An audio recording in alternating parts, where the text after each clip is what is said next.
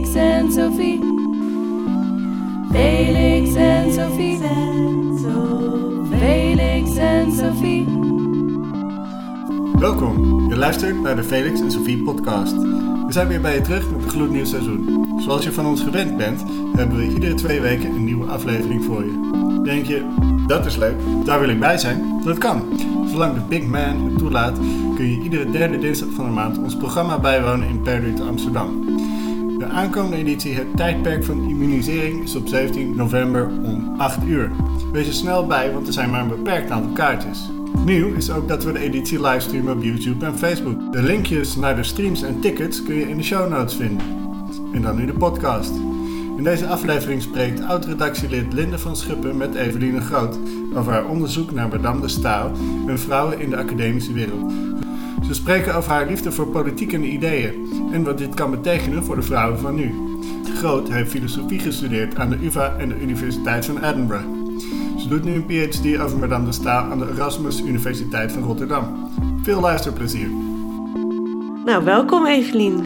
Dankjewel, leuk eh, dat ik er mag zijn vandaag.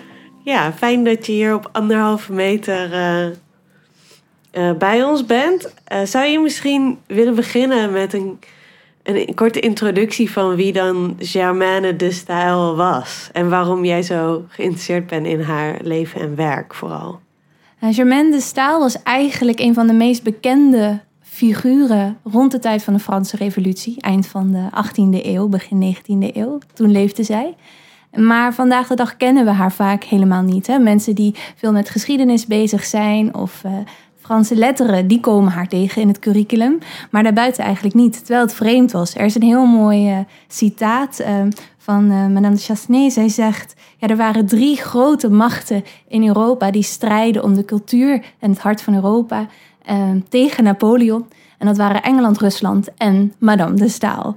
Dus zij wordt echt als een politieke powerbank of een force of nature, zeg maar, gezien. Um, maar hoe wij de staal misschien vandaag de dag nog het beste kennen, is door haar werk uh, over Duitsland, de L'Allemagne. Dat is een werk dat zij schreef in ballingschap um, nou, rond uh, 1810. Iets eerder was ze al in ballingschap gegaan. Ze is toen gaan reizen, want ze moest noodgedwongen door Napoleon buiten Parijs, buiten Frankrijk blijven. Ze is toen naar Duitsland gegaan, heeft daar alle grote bekende heren van die tijd ontmoet. Goethe, Schiller, Schlegel, um, nou ja, noem het maar op, van Humboldt. Dat was zelfs degene die haar de Duitse lessen gaf. Uh, en ze is zo geïnspireerd geraakt door de Duitse romantische cultuur dat ze is gaan schrijven en vergelijkingen is gaan maken tussen Frankrijk en Duitsland. Vooral die nationaliteit en die culturele nationaliteit. En uiteindelijk heeft zij besloten om uh, nou, dat te publiceren. Dat werd een uh, heel groot, controversieel item. Napoleon besloten om haar op basis hiervan nog langer in ballingschap te laten zijn. Het mocht niet gepubliceerd worden, het werd gecensureerd. En uiteindelijk via een omweg wist de staal toch het werk te publiceren. En dat was een ontzettend groot succes. Het werd een bestseller, het sloeg in als een bom. Want Frankrijk kwam er voor het eerst achter wat die Duitse cultuur, literatuur, filosofie eigenlijk inhield. En het hield een, mooie spiegel voor. Oké, wat is onze eigen nationaliteit, onze culturele identiteit? En hoe spiegelt dat dan met uh, Duitsland? En het interessante is dat nou, de stijl vooral bekend is door dat werk, waarin ze eigenlijk mannelijke denkers naar het Franse taalgebied heeft gebracht. Um, maar we weten eigenlijk helemaal niet zo goed wat zij nou zelf heeft geschreven. Wat waren eigenlijk haar eigen ideeën? Want los van over andermans ideeën schrijven, schreef ze ook heel veel zelf. En dat vind ik eigenlijk heel erg interessant. Van oké, wie is nou eigenlijk deze figuur? Ze was zo bekend, uh, ze heeft zoveel geschreven. Ze was een bestselling author in haar uh, jaren wie is zij? En um, dat heeft eigenlijk geleid tot een, uh, een filosofisch onderzoek. Het begon ooit uh, aan de Universiteit in Edinburgh in een klein vakje met een essay. En dat heeft me niet meer losgelaten.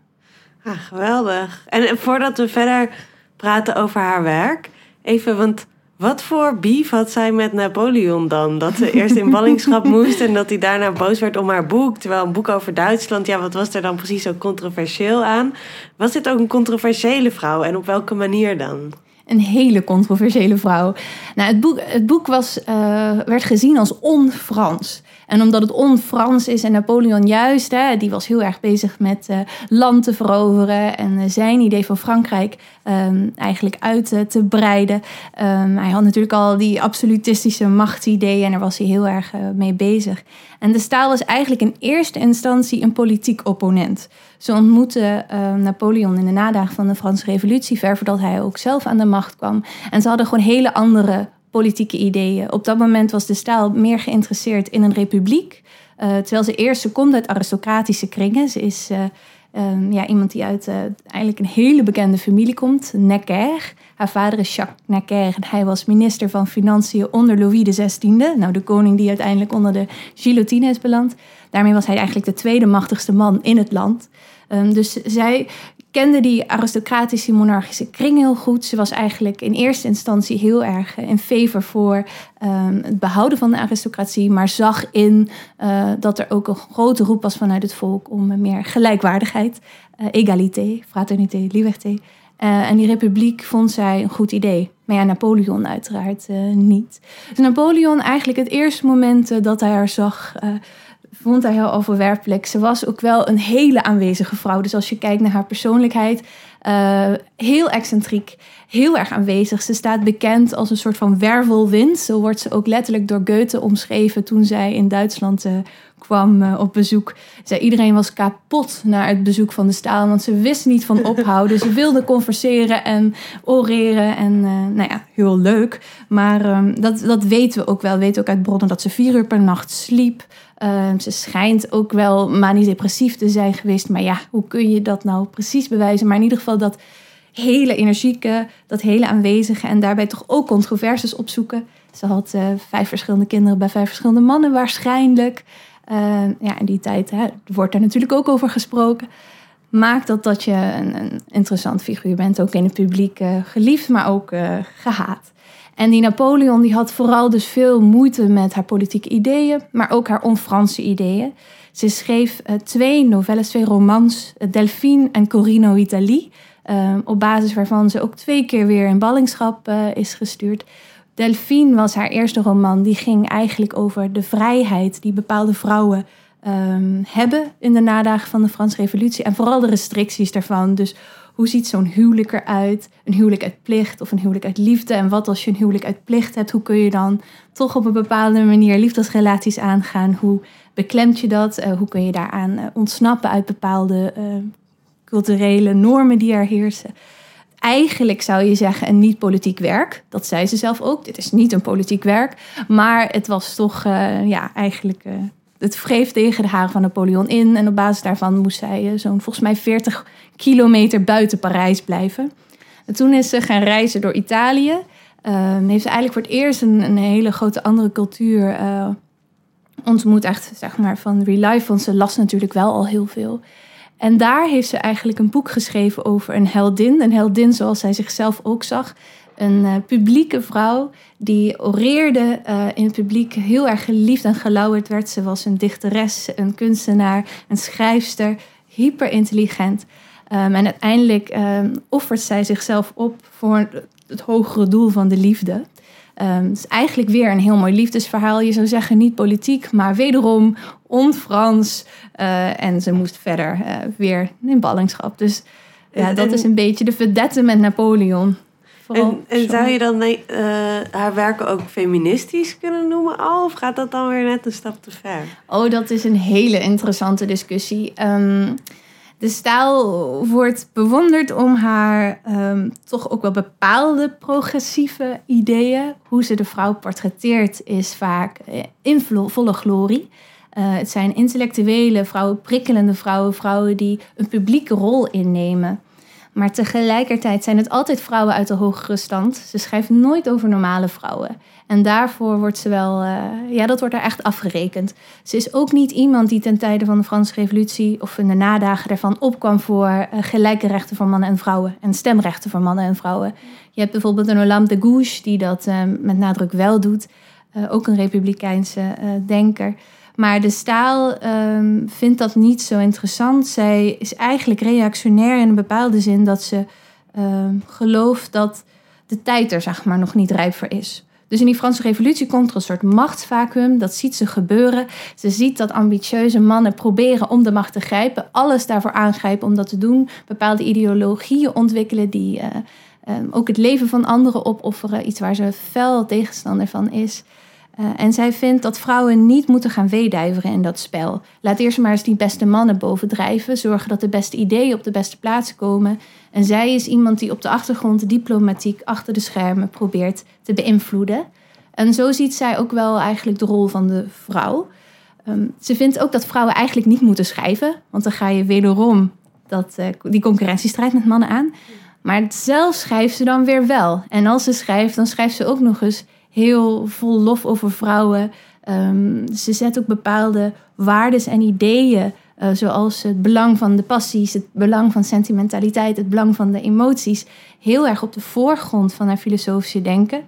Um, wat eigenlijk ervoor zorgt dat hè, zaken die als typisch vrouwelijk worden geacht en gezien, um, dat die eigenlijk heel serieuze materie zijn. Dus in die zin zou ik, ik noem haar in die zin wel echt een feminist. En ik denk ook hoe ze dan binnen het gelimiteerde, um, ja, gelimiteerde grenzen waarin ze dan ruimte voor vrouwen opzoekt, um, doet ze het wel. Ja, want en kunnen we dan eens een beetje inzoomen op haar, op haar werken die zij wel politiek acht? Dus los van de uh, romans, zou je eens iets wat kunnen vertellen over haar filosofisch werk en over haar filosofische gedachtegoed? Ja, dus het is interessant. De meeste filosofische werken komen. Um, ja, die, die komen eigenlijk. Die begint ze te schrijven vanuit een politieke urgentie. Tenminste, niet de aller, allereerste werken, maar de, meeste wel. Die Franse Revolutie heeft echt een enorme knauw gegeven. Ze heeft uh, leed van uh, de eerste. Ja, ze heeft eigenlijk. Ze is de getuige geweest van het geweld van die Franse Revolutie. Ze heeft het geweld. Uh, met eigen ogen gezien, meegemaakt. Mensen uit haar kringen, geliefde vrienden zijn gesneuveld. Ze heeft heel erg fel meegedaan om eh, levens te redden van mensen uit haar kringen. En dat is ook met succes gelukt. En daar is echt haar nek voor uitgestoken. Um, en ze heeft eigenlijk dus al die moord, verderf meegemaakt. En allemaal omwille van een bepaalde ideologie. En daar staat zij absoluut zelf niet achter. Dus dat, dat geweld, de, horreur, zoals ze dat zelf heel mooi uh, noemt, maakt dat zij bezig is met politieke theorie en een bepaalde kijk op wat is de menselijke psychologie en de ethiek en hoe hangt dit met elkaar samen. En één werk waar ik van vind dat het het mooiste in naar voren komt, en dat is eigenlijk een vrij onderbelicht werk, is uh, de l'influence des passions sur le bonheur des individus des nations. Dus uh, het, de invloed van de passies op het geluk van de individuen en de naties. En wat ze daarin doet is eigenlijk een, ja, tweeledig. Ze beschrijft hoe de menselijke psychologie eruit ziet. Wij zijn mensen die zowel uh, diep gepassioneerd, gepassioneerd zijn, in passion, uh, zegt ze. Maar we zijn ook rationele wezens. En dat gaat samen op. Er is een soort uh, spel gaande tussen die twee. Wij zijn gepassioneerde wezens. Wij moeten ons op een bepaalde manier kunnen verwezenlijken. Dat is, draagt bij aan ons individuele geluk. Maar tegelijkertijd zijn niet alle passies positief.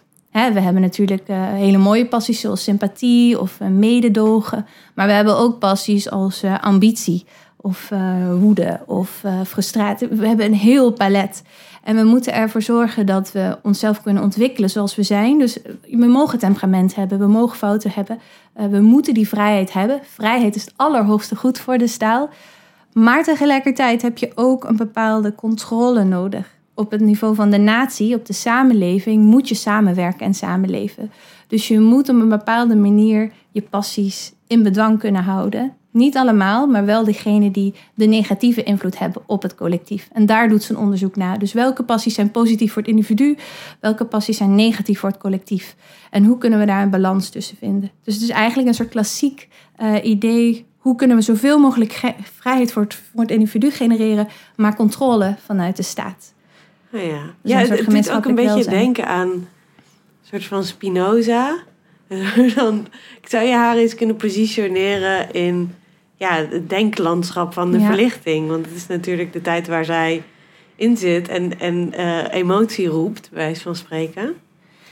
Ik vind haar een vrij eclectische denker. Ze mm. is um, heel erg ingebed wel in het verlichtingsdenken. Dus er, er is een grote roep om ehm, je rationele vermogens te ontwikkelen en in te zetten. Zeker als het gaat ook om moreel handelen. Je moet door middel van je redelijke vermogen eh, wel een soort afweging maken. Is dit eh, een juiste manier van handelen of niet? Je moet altijd je eh, neigingen, zeg maar, op een bepaalde manier corrigeren.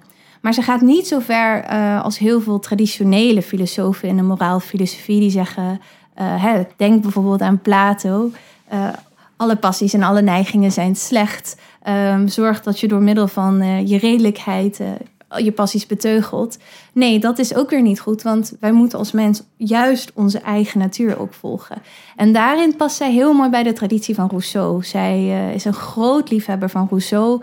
Ze schrijft eh, op haar, volgens mij is het 22 of 21, een, ja, een, een, een soort van liefdesbrief in boekvorm eh, aan Rousseau eh, over zijn karakter, zijn oeuvre. En ze zegt, ja, Rousseau, wat hij weet te doen, is de, het, de ziel te beroeren van de mens. En zijn ideeën weten de kern te raken van wat het is om diep menselijk te zijn. Ehm, en en het, het spreekt ons enthousiasme aan, het spreekt eh, de schoonheid aan. Zij is echt een esthete ook. Ze houdt heel erg van literatuur en ze heeft het de hele tijd over het belang van elan, een bepaalde elegantie. Ehm, ja, en Rousseau weet dat echt neer te zetten. Dus Rousseau opent haar ogen. Want dat mensbeeld wat ze bij die verlichtingsdenkers vond... was te eenzijdig, te beperkt. Daar kon ze zich niet helemaal in vinden. En die verlichtingsdenkers kent zij heel goed. Want zij groeide op eigenlijk eh, in het salon van haar moeder. Haar moeder was een beroemde salonière, Suzanne Curchot. En zij ontving mensen als Diderot, d'Alembert, weet je, de, beroemde encyclopedisten. Ehm, en dat was haar educatie eigenlijk voor een deel. Daar zat zij bij, bij die gesprekken. En dat is toch ook wel heel goed ingedaald. En in haar latere leven, wanneer ze in aanmerking komt met het werk van Kant, is dat ook wel echt wat haar aanspreekt. Een soort van redelijk eh, denken. Het is natuurlijk ook een bepaalde manier een echte rationalist. In hoeverre, het is natuurlijk ook een lastige term, eh, rationalisme, empirisme. Maar ehm, het gebruik van een categorisch imperatief om eh, je gedrag bij te stellen of erover uit te stijgen. Dat vindt zij heel interessant in ieder geval. Dus het is ja, vrij eclectisch, maar toch heel origineel, omdat zij juist die middenweg probeert te zoeken. Waar Rousseau heel erg uitging van de sentimenten, daar lag het primaat voor goed moreel handelen. Eh, hè, want de mens in de natuurstaat, dat was de beste mens. En in die culturele staat, waarin we onszelf eh, zijn gaan aanpassen aan elkaar. Eh, en allerlei eh, ja, teugels op zijn gaan leggen en in mallen zijn gaan duwen. Daar is het verderf eh, ingetreden. Zo ziet zij niet. Ze denkt niet dat met de culturele samenleving, als het ware, dat daar het verderf is ingetreden. Daar zit ook heel veel schoonheid en heel veel waarde en ook heel veel progressie. Ze is echt een vooruitgangsdenker. Dus daar sluit ze weer heel erg sluit ze heel goed aan bij die verlichtingsdenkers. Ehm, Maar, dus, maar ze vindt dus eigenlijk die vliegtuigdenkers iets eenzijdig in hun mensbeeld. Zou je eens dan heel kort, nou hoeft eigenlijk niet heel kort, eh, kun- kunnen zeggen eh, waarom dat precies te eenzijdig is en wat zij daar nou precies aan toevoegt? Want als ik je goed begrijp, zit dat dan vooral ook in het volgen van passies en in ook de esthetische kant ervan. Klopt dat of begrijp ik dat verkeerd?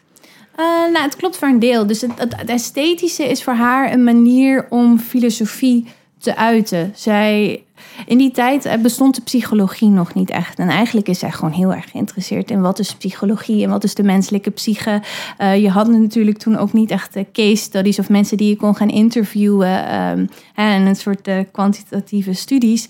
Maar wat zij deed was door middel van haar romans kruipen in de huid van een ander en kijken, oké, wat als iemand met een bepaald probleem wordt geconfronteerd? Hoe reageert iemand dan? Wat doet dit met iemands innerlijke bewegingswereld?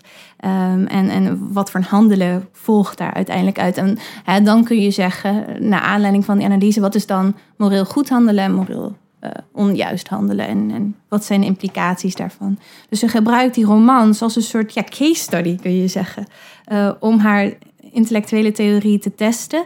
Ehm, en zij ziet literatuur ook als een vorm van filosofie. Dus dat esthetische, dat, dat eh, literaire, is daadwerkelijk een onderzoeksmethode om eh, ideeën te kunnen toetsen en verder uit te ontwikkelen. En zij heeft bijvoorbeeld in de La Literatuur, dat is een boek over de literatuur, ook onderzoek naar, gedaan naar hoe eh, door de jaren heen, eh, door de hele geschiedenis heen, ehm, de literatuur zich heeft ontwikkeld en wat voor een, politieke implicaties dat heeft gehad. Nou, en dat probeert ze eigenlijk ook in haar eigen werk de hele tijd te doen.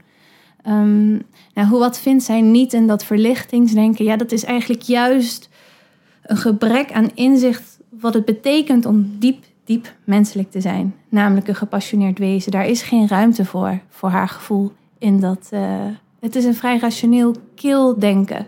Ehm, alles wat niet eh, rationeel te verklaren is, dat is niet interessant. Dat past niet binnen het plaatje. Ehm, ze heeft heel veel problemen en dat is natuurlijk niet per se verlichtingsdenken. Het is meer eh, die anglo-saxische, consequentialistische, utilitaristische traditie. Maar dat je bijvoorbeeld kan berekenen wat geluk is op basis van eh, nou ja, eigenlijk bepaalde parameters die je instelt. Nou, geluk, eh, ongeluk, eh, hoe groot is de hoeveelheid mensen. Nou, we gaan eens even meten. Dat vindt zij belachelijk. En vooral ook omdat de uitkomsten moreel gewoon verwerpelijk zijn. Omdat ze vindt dat voor bepaalde... Sommige dingen mag je nooit opofferen aan een bepaalde ideologie. En mensenlevens zijn daar één van. In die zin, eh, daar, daar heeft ze een heel hard principe... wat altijd een soort bottomline is in, in al haar theorieën. Ehm, dus inderdaad, eigenlijk wat, wat missen bij die rationalisten of bij die verlichtingsdenkers, juist de ziel, het eh, beroerd raken, ehm, misschien toch ook ja, het, het esthetische, het, de, de, de elan, het enthousiasme, alles wat je levendig maakt. Ehm, en dat vindt ze bij zo iemand als Rousseau. Ja. En waarom denk je dat het zo vervelend is dat zij zo ondergesneeuwd is geraakt in de geschiedenis? Ik vind, als je zo over haar vertelt, haar ideeën best ja, ook wel modern aandoen. Eh, ik kan me voorstellen dat daar nu ook van alles uit te halen is. Hoe zie jij haar relevantie nu, op dit moment? En dat kan je denken als in nu specifiek in coronatijd... of meer gewoon in de, brede zin van eh, het woord nu. En wat ik een hele, altijd een hele prikkelende passage vind in dit kader, is een passage ook uit de invloed van de passies. Die gaat over het ontstaan van eh, de vrije pers. Dus eh, in aanloop van de Franse Revolutie wordt de pers eigenlijk opengegooid. Censuur vervalt voor een deel. Ehm, dat is heel goed. Maar ineens heeft iedereen, elke maloot, de mogelijkheid om te schrijven wat hij of zij wil. Vooral hij. En je ziet dat machtbeluste, ambitieuze mensen die mogelijkheid aangrijpen om alles te zeggen, heel opportunistisch, om maar de macht te kunnen krijgen. En dat gaat ver en dat kost mensenlevens. En dat, kost, dat gaat ten koste aan juist die, dat maatschappelijke geluk, dat, dat balans. Ehm, mensen gaan te ver in hun eigen persoonlijke neigingen. De, de amour propre, de eigenliefde speelt te veel op. Het egoïsme speelt te veel op. Um, en hoe ze dat beschrijft is eigenlijk heel erg proto-Twitter. Ze beschrijft uh, eigenlijk hoe iemand als Robespierre... Uh, die schrijft dan zelf nog niet zoveel, maar die zijn handlangers gebruikt om een bepaald beeld van hem neer te zetten. Uh, heel erg vernuftig, eigenlijk het debat kaapt, mensen foute informatie voorgeeft en daarmee de macht kan grijpen. En ja, als je dit vergelijkt met de verkiezingen van Trump. Dus ik weet dat ik dit las rond de verkiezingen van Trump. Toen dacht ik, nee, het is niet waar. Waarom lezen we deze waarschuwingen niet? Dit is precies het probleem van... Nou ja, de vrijheid van pers is een groot goed. Maar dit is precies het risico. Dit is het, precies het probleem. En dit was een hele mooie analyse van wat ambitie uh, voor negatieve gevolgen heeft. Voor het collectief. Ja, maar nu voordat... Uh, uh iedereen thuis uh, denkt dat je de censuur voor staat. Oh ja, ja. nee, dat is natuurlijk uh, ja, problematisch. Hoe zag uh, dat wel? Had ze dan zoiets van, oh, die vrije pers, dat is, dat is het niet waard. Het offer dat we daarvoor moeten maken, van dat de populist bij van spreken de macht grijpt. Kunnen we maar beter een beetje door blijven censuren? Of hoe, heeft zij ook een oplossing daarvoor? Of heeft zij ook een... Nou, ze heeft niet zozeer, want ze, ze begrijpt ook wel dat censuur is geen Hè, repressiemiddel, dat is, is ook niet wat je wil. Dat gaat ook weer de vrijheid tegen. Maar eigenlijk moeten we dus zelf heel goed naar onze eigen persoonlijkheid kijken. Door middel van ons eigen redelijk vermogen. Het is een moreel appel. Nagaan, oké, ik heb deze wens, maar is dat goed voor het collectief? Nee, oké, laten. En zeker als het zo'n verregaande gevolgen heeft. Um, ik denk dat het vooral een waarschuwing is voor mensen om zo'n persoon heen. Waar ben ik mee bezig? Uh, wie uh, brengt aan de macht. Het is, het is een waarschuwing voor degene die op zo iemand stemmen. Want kijk eens wat, wat het mechanisme hierachter is. Kijk eens waar je uh, in duimelt met open ogen. En hoe je zelf werkt. En hoe je zelf dus ook werkt. En, en inderdaad, het is, het, het is niet alleen maar goed natuurlijk. Ook, hè, je kunt door middel van mooie woorden en mooie ideeën ook mensen heel erg op het verkeerde been zetten dus dat rationele vermogen, dat redelijk vermogen, wel denken, blijven ontwikkelen. Ehm, goed scherp blijven kijken. Met altijd een, een, een soort humanitair eh, inzicht, of een, een, invalshoek, hè, de menselijkheid, het welzijn van de menselijkheid. Eh, dat staat zij voor. Ja. Oké, dankjewel. Ehm ja, ik wil eigenlijk ook even vragen. Los van Germaine de Staal ben je ook wel bezig met, of dat is misschien niet helemaal los, maar je bent ook bezig met de rol van vrouwen in de filosofie in bredere zin. Ja. Eh, zou je eens wat kunnen vertellen wat jij, over wat jij nu denkt dat, dat, dat de handschoen wringt in die zin op dit moment? Want ja, dat, doet hij, dat lijkt hij toch wel een beetje te doen. Ja, ik denk eigenlijk dat we nu. Ik vind het echt een waanzinnig interessante periode. Want het lijkt dat we op een moment staan, in ieder geval binnen de academische filosofie. eh, waar vrouwen in de filosofie ontzettend veel aandacht krijgen. En, en mensen zich echt bewust ervan doordrongen raken. Het is heel fascinerend wat hier gebeurt. Het is belangrijk wat hier gebeurt. Die mannen die waren er echt niet alleen. Voor elke man was er ook een vrouw. En die vrouwen hadden eigen originele ideeën. Dus om de filosofie überhaupt beter te kunnen begrijpen. Om de filosofie een toekomst te kunnen bieden. Om betere lessen uit de geschiedenis van de filosofie te kunnen trekken. Is het nodig om te kijken naar het hele plaatje. En niet alleen naar toevallig die mannen die zijn overgeleverd. doordat er een kanon is bedacht in de 19e eeuw. Um, en daar zit heel veel energie in. Zowel mannen als vrouwen doen daaraan mee. Maar je merkt dat er um, ja, echt bepaalde groepen zijn. Je hebt de groep uh, History of Women in Philosophy and Science in Paderborn in Duitsland, die heel actief en uh, lichtelijk activistisch zich inzetten voor vrouwen die zijn vergeten. Ze hebben een heel mooi programma voor uh, bijvoorbeeld uh, fenomenologen. Uh, Edith Stein wordt daar veel bestudeerd en andere wiens namen, ja, die zijn voor mij ook heel obscuur, wiens namen ik niet ken. Um, maar wat je bijvoorbeeld ook ziet, is als we kijken naar die klassieke oudheid, en ik heb zelf ook een achtergrond in klassieke wijsbegeerte.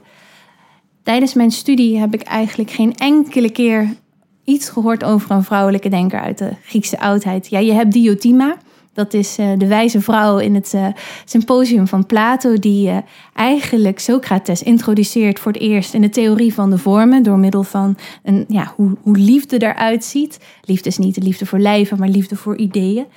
Um, heel lang is gezegd, nou die Diotima, dat is een fictioneel figuur.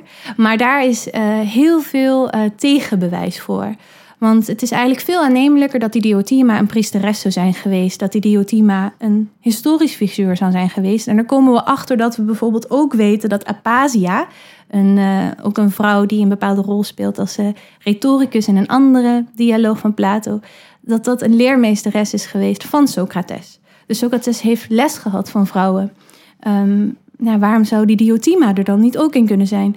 We weten nu dat Plato um, in zijn leerschool vrouwen toeliet. Hij had twee studenten in ieder geval, waarvan we weten dat uh, ze filosoof waren, als filosoof werden beschouwd, volledig meededen. Zijn eigen moeder, Perictione, staat er onbekend uh, filosofisch wijze vrouw te zijn geweest. We weten dat uh, de Pythagoreërs uh, hele interessante teksten hebben. Um, die gaan dan vooral over de huiselijke privésfeer. Um, en daarom wordt wel vaker uh, in het verleden gezegd... nou, maar die stukken zijn waarschijnlijk door mannen geschreven... maar die doen alsof ze een vrouw zijn. Want dan wordt het aannemelijker dat die stukken over die privésfeer... waar vrouwen hè, de voornaamste rol hebben... Dat die, uh, dat die aannemelijk zijn, dat dat goede argumenten zijn. Maar ja, waarom zou je niet kunnen aannemen dat het door vrouwen wordt geschreven... Um, dus je merkt eigenlijk dat door heel specialistisch onderzoek al dit soort aannames op spanning komen te staan. En ik heb nu een paar voorbeelden uit de klassieke oudheid, maar in de vroegmoderne tijd is dat ook zo. Uh, de moderne filosofie ook. Is heel veel aandacht uh, natuurlijk ook voor Wollstonecraft bijvoorbeeld. Uh, met their Vindications of the Right of Man. Um, ook een heel interessant werk. Ja, veel aandacht, maar het kanon is nog niet aangepast. Nee, maar dat komt. Dat komt. Ja, het is een hele goede vraag. Maar ik, ik denk echt dat dat, uh, dat dat kantelpunt er gaat komen. En in eerste instantie worden vrouwen heel mooi gekoppeld aan mannen. Dat kan vaak ook. Hè. Je hebt uh, een Descartes en Elisabeth van Bohemen die brieven naar hem schreef. Um, nou, het probleem bij Elisabeth van Bohemen is dat we alleen maar die paar brieven nog hebben die aan Descartes zijn geschreven. Verder niks. Maar zo door uh, vrouwen rondom grote mannen te zoeken, komen we er steeds meer achter dat zij ideeën hebben overgenomen van vrouwen. En het is een proces, het is gaande. Maar wat we in ieder geval nu weten is dat in elke tijd, ongeacht plaats, er belangrijke vrouwen waren. Interessante vrouwen, filosofische vrouwen, die eh, ook in die tijd beroemd waren en gekend waren en gelezen werden. Net als de Staal, die gewoon in haar tijd wereldberoemd was. Bestseller, eh, auteur. Ehm, zij had eigen salons. Zij wist iedereen in haar omgeving aan te trekken in haar salons. Echt de, beste denkers, schrijvers, eh, wetenschappers, kunstenaars kwamen naar haar salon toe om van gedachten uit te wisselen. Ehm, het feit dat we daar weer achter komen, en de staal is één voorbeeld, en die andere vrouwen die ik noem zijn weer allemaal losse voorbeelden, maar dat het er zoveel zijn, dat maakt dat, dat we er eigen, we kunnen het niet meer ontzien. En, en dan nu in deze plaats en tijd, want als ik naar mezelf kijk, ik ben opgeleid als filosoof, maar ben nu toch in de letterkunde, of de letterkunde, de, ja, de linguïstiek eigenlijk terechtgekomen, waar ik word omringd door vrouwen. Ehm, de hele onderzoeksgroep bestaat bijna uit vrouwen. Ja. Eh, maar als ik kijk naar de onderzoeksgroepen op de Universiteit van Filosofie, dan zie ik er bijna geen. Wat is daar aan de hand? En waar zijn dan de grote vrouwen in het hier en nu? Ja, heel belangrijke vraag. Kijk, je hebt de theorie van de, peaking, of de leaking pipeline. Ik weet niet of je die eh, kent, maar dat is eigenlijk het idee.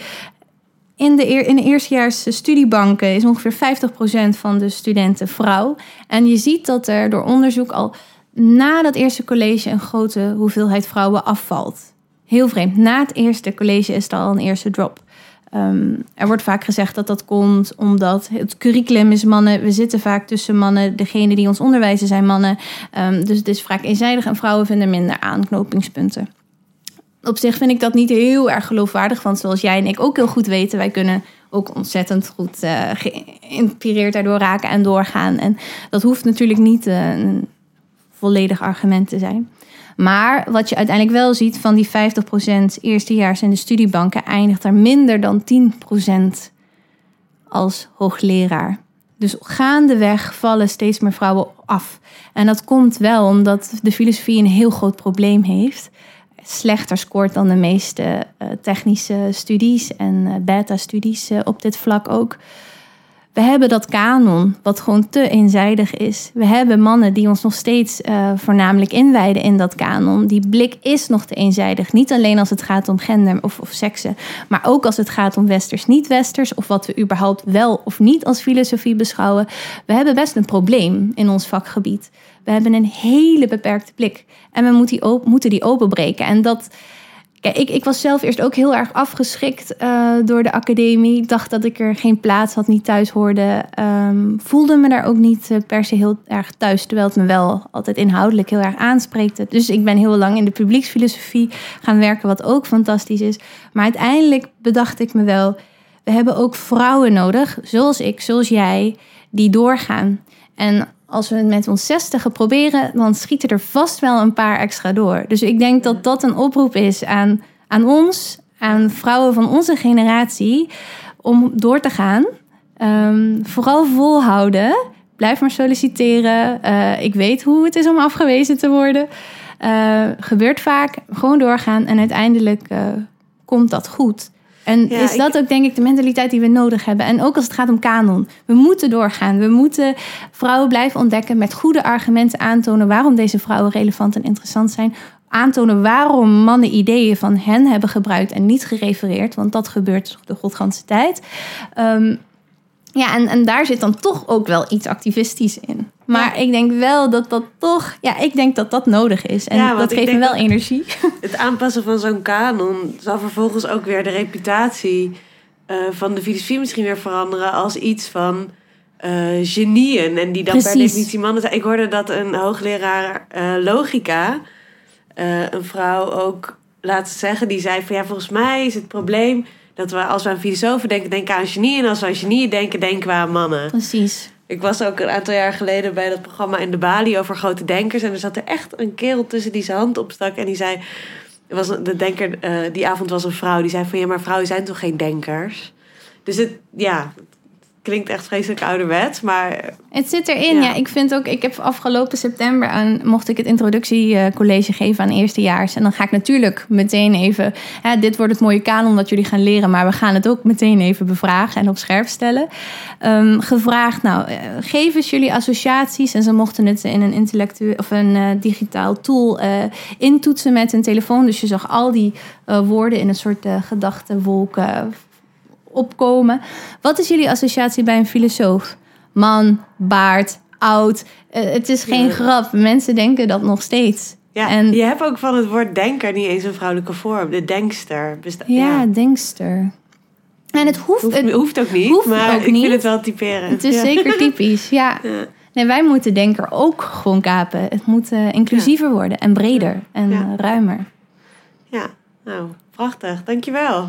Ja, heel erg bedankt ik heb me gekomen en voor je mooie vragen. Ja, oké. En, oh, en, veel succes met je onderzoek. Dankjewel.